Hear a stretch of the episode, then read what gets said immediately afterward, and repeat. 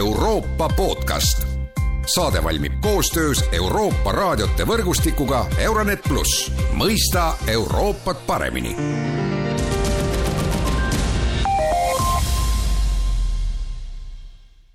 tere tulemast kuulama taas Euroopa podcasti. paraku ei näita Ukraina sõda vaibumise märke ja läänes küsitakse, kas ja kuidas peaks Ukrainale antavat raha kulutama. Nüüd on aga raha kulutamisega seotud küsimusi hakatud arutama ka Ukraina sees Ukraina olukorda aitab tänases Euroopa podcastis kommenteerida Postimehe Vene toimetuse ajakirjanik Anastasia Tiido, tere päevast! tere päevast! ja mina olen Erkki Mehovski. no siin on mitmesuguseid äh, otsuseid ja uudiseid, mis puudutavad Ukraina raha kulutamist, no alustame võib-olla sellise ühe konkreetse näitega, et et Ukraina president äh, Volodõmõr Zelenskõi otsustas mitte anda raha Holodomori muuseumile. Ja noh, võib-olla rahuajal oleks olnud see, äh, seda ei oleks juhtunud, aga nüüd käib sõda, Anastasia, võib-olla sa räägid paari sõnaga lahti, miks selline otsus oli ja, ja, ja mida siis Ukrainas sellest arvatakse? tegelikult ma arvan, et siin tuleb alustada kontekstist et äh, see Rahvusmuuseum Holodomori ohvrite memoriaal on eksisteerinud äh, alates kahe tuhande üheksandast aastast. ja see asub Kiievis Petšerskis, sinna kuuluvad äh, mälestusküünal, tüdrukuskulptuur, allee, mälestussaal ja hiljem oli juurde ka loodud Holodomori uurimise instituut. aga kogu see projekt oli, oli palju suurem ja kui ma ei eksi, kahe tuhande kahekümnendal aastal andis president Zelenskõi ülesandeks leida vahendid, et äh, see kompleks projekti järgi valmis saada. ülemraada siis otsustas just praegu juulil eraldada viissada seitsekümmend äh, miljonit hryvnat, see on umbes kakskümmend miljonit eurot. ja kohe meedias ja sotsiaalmeedias äh, tekkis palju kõmu arusaadav on, et äh, Zelenskõi otsustas teha sammu tagasi, minu meelest on selle otsuse taga puhtpoliitilised motiivid, mitte mõnede argumentide analüüs. tundub, et äh, ei võetud üldse arvesse nagu poolt ja vastu argumente, ainult inimeste reaktsiooni. Zelenskõi ju näitlejana inimeste suhtumist väga hästi tunneb ma arvan, et oli väga vale sellistest motiividest juhti, juhinduda, sest inimesed ju vajavad tõhusat kommunikatsiooni tegelikult. kui võimud otsustavad midagi rahastada ja samal ajal inimesed kogu aeg toetavad sõdijaid öö, oma iga hrimnaga, et no loomulikult tekib nende, nendel küsimus, et miks droonidele raha pole ja nad peavad ise neid äh, osta kaitseväe jaoks, aga siis äh, muuseumile on need kakskümmend miljonit eurot. ja Zelenskõi kindlasti peaks lihtsalt seletada neid asju rahvale, et äh, võib-olla siis algatada juba mõistliku arutelu ja teiseks äh, sellest arutelust, mis äh, sotsiaalmeedias käib, äh, tekkis ka vägagi küüniline küsimus, et kui Ukrainas käib sõda, kui siis iga inimene võib iga hetk surra, kas siis, kas siis pole vaja lapsi sünnitada ja, ja kasvatada. ja iga hoone võib ju igal ajal kokku kukkuda, kas äh, nüüd mitte ehitada. vot just seda ootab vaenlane ja et rahvas ellu jääks, ta peab just seda tegema. mis siis puudutab seda konkreetse muuseumi, mulle tundub, et muidugi on muuseumi vaja ja eriti vaja on praegu, rohkem kui kunagi varem, sest äh, kui genotsiid kordub ja seda paneb toime sama riik ja sama rahvas, mälu ju vajab pidevat tugevdamist. mälestuskuupäevad, need äh, mälurituaalid ja sellised materiaalikandjad nagu muuseumid, nad on äh, üliolulised. ja mulle väga ei meeldinud, kuidas äh, endine kultuuriminister manipulatiivselt kasutas oma vallandamise õigustamiseks just selle muuseumi ümber tekkinud arutelu ja just see kultuuriministrist äh, tulebki järgmine küsimus, et Aleksandr Tkatšenko, kultuuriminister, astus tagasi juuli lõpus, et tema tagasiastumine või vallandamine, nagu sa ütlesid, on ju seotud ka sellesama raha kulutamisega rahuajal Aleksandr Tkatšenko oli ametis umbes kolm aastat ja selle aja jooksul oli tema sõnade ja tegudega seotud väga palju skandaale ja päriselt tõsised ka. Nüüd ta ise kirjutas lahkumisavalduse ja vaid-, väidetavalt nagu sellepärast, et sõjaaegne arusaam kultuuri tähtsuse kohta ei ole adekvaatne aga paljud arvamusliidrid ja kultuuritegelased, kelle arvamusi mina lugesin, märkasid, et see on äh, tema poolt äh, tehtud manipuleerimine. Sest Katšenko on äh, pikka aega saanud avalikkusest palju kaebusi. oli olnud mitu petitsiooni tema vallandamise poolt, koguti rohkem kui kakskümmend viis tuhat allkirja ja kui ma õigesti mäletan, oli avaldusi isegi mitu. seetõttu oli see muuseumi juhtum pigem ettekanne, mitte põhjus. Kui need etteheited ministrile olid tema töö, tema väljaütlemiste pärast, tema otsuste pärast kogu aeg ametiaja jooksul, oli näiteks väga tõsiseid süüdistusi rassismis. Kui Tkatšenko kuus aastat või seitse aastat tagasi polnud veel minister, ta oli telekanaali juht, siis Ukraina Nigeeria päritolu telesaatejuht Karoliina Ashon arutas äh, temaga võimalikku osalemist hommikuses äh, jutusaades ja Tkatšenko ütles talle, et kas sa oled end peeglist näinud, meie publik pole selleks valmis ja mina ka ei ole valmis reitingutega riskima. siis oli ka suur skandaal Dovženko keskusega ja no ühesõnaga ta sattus alati skandaalidesse inimesena, kes on kogu aeg oma karjääri jooksul äh, televisiooni ja raadioga seotud, kes jagab neid asju, aga kultuuritegevusest ta, ta on üsna kaugel.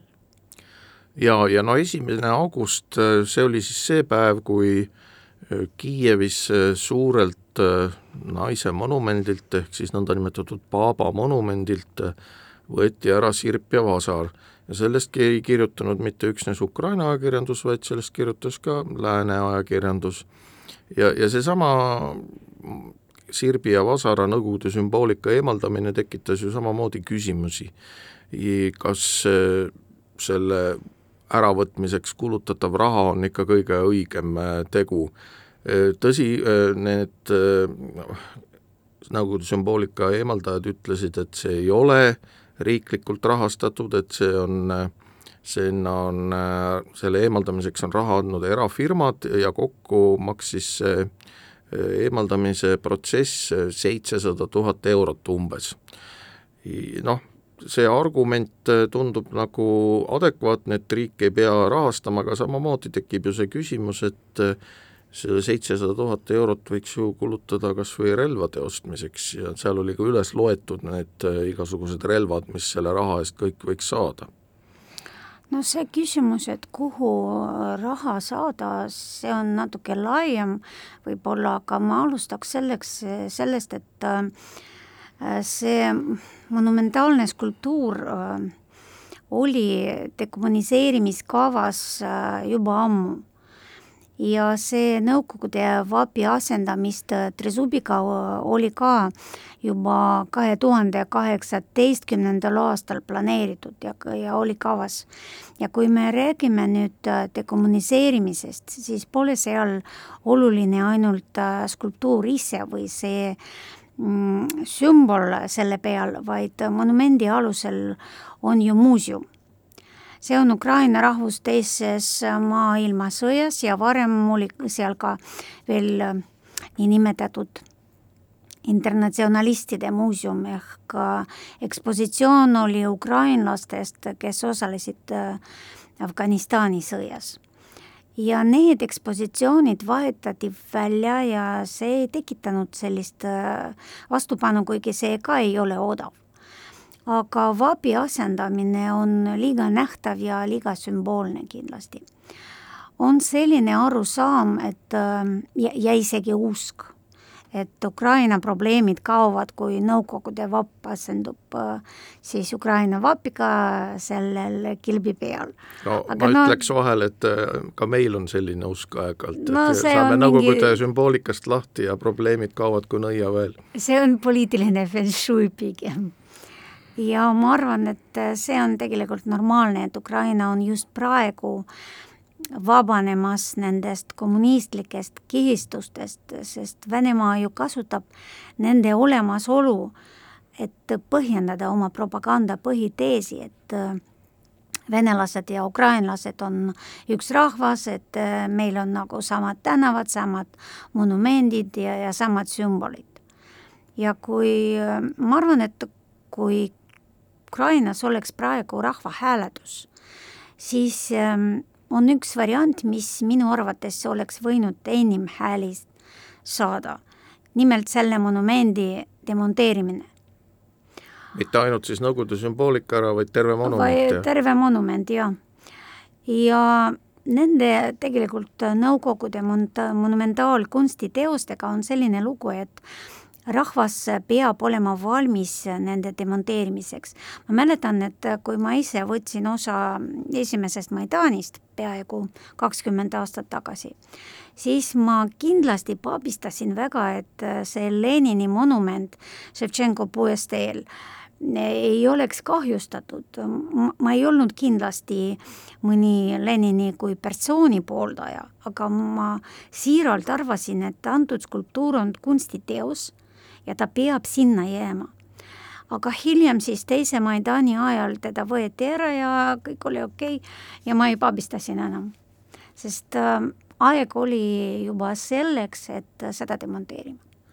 no laiem küsimus ongi see ja ilmselt Ukrainas on selle üle ka arutatud, et kuidas seda raha siis kulutada sõja ajal, et äh, on ju päevselge, et äh, sõja ajal seda raha tuleb teistmoodi kulutada kui rahu ajal ja kas ukrainlased on nüüd äh, hakanud seda nagu paremini läbi mõtlema, sest äh, noh, praegu on ju ikkagi nii, et see sõda on ju kestnud juba üle aasta ja, ja ikka, ikka palju üle aasta, et äh, on selge, et siis tuleb seda elukorraldust ja mõtteviisi ka muuta. no minu arvates siin on probleem pigem kommunikatsioonis, sest äh, nii president kui ka teised ametnikud ju teavad väga hästi, et äh, tegemist on erinevate kuluartiklitega ja isegi täiesti erinevate rahakottidega. Ja lääne partnerid aitavad nüüd Ukraina riigil toime tulla kohalike kogukondade igapäevaste vajaduste rahastamisega, mis samuti pole kuhugi kadunud ju ja seda raha on võimatu suunata droonidesse või isegi sõdurite toidule. see on rangelt keelatud ja mm, ma pakun, et president tegeleks populismiga ja alustades teadlikult või alateadlikult oma presidendikampaaniat.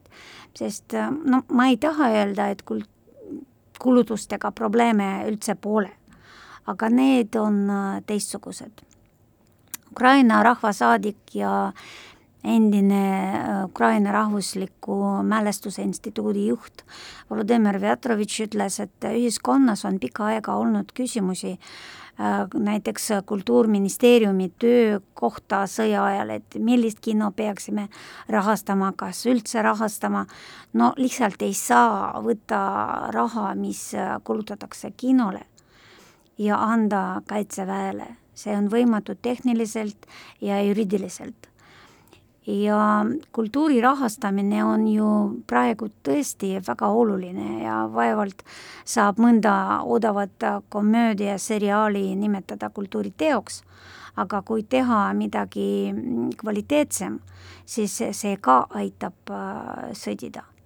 No see hoiab võitlusvaimu kõrgel, eks ole, ja noh, siin on ju ajaloost ka näiteid, kus noh, muidugi totalitaarsed režiimid ju kulutasid ka päris palju raha propagandale sõja ajal, ma mõtlen siin Natsi-Saksamaad, aga ka Nõukogude Liitu, aga noh, tegelikult ka ikkagi lääneliitlased, Ühendkuningriik, USA, Prantsusmaa, ka nemad ju ikkagi kulutasid päris palju raha sellele, et äh, sõdurite moraali ülal hoida ja ja siin võib-olla siis äh, need inimesed, kes ütlevad, et raha, raha, raha Kaitseväele, võib-olla nad on liiga pragmaatilised, ikkagi see moraal ja, ja see, et tõesti vabaneda sellest Nõukogude sümboolikast, see on ikkagi ka oluline. Ukrainlastel on praegu väga palju selliste, selliseid probleeme, mille kohta lihtsalt pole mingit äh, kogemust ja tuleb otsida siis äh, väljapääsu näiteks ähm, selle, kui äh, minna tagasi Holodomori muuseumi probleemile, siis äh, sotsiaalvõrg, võrgustikes äh, üks arvamusliidreid, ajaloolane Olesja Issajuk on kirjutanud, et lähiaastatel hakkab Ukraina rahvas ehitama ja tegema oma elu teadmisega, et see, mis on ehitanud, võib ka hävitada ja see on äh, nende uus reaalsus. ja rahvas hakkab ka kasvatada lapsi teadmisega, et nad võivad iga hetk surra ja see on ka uus reaalsus.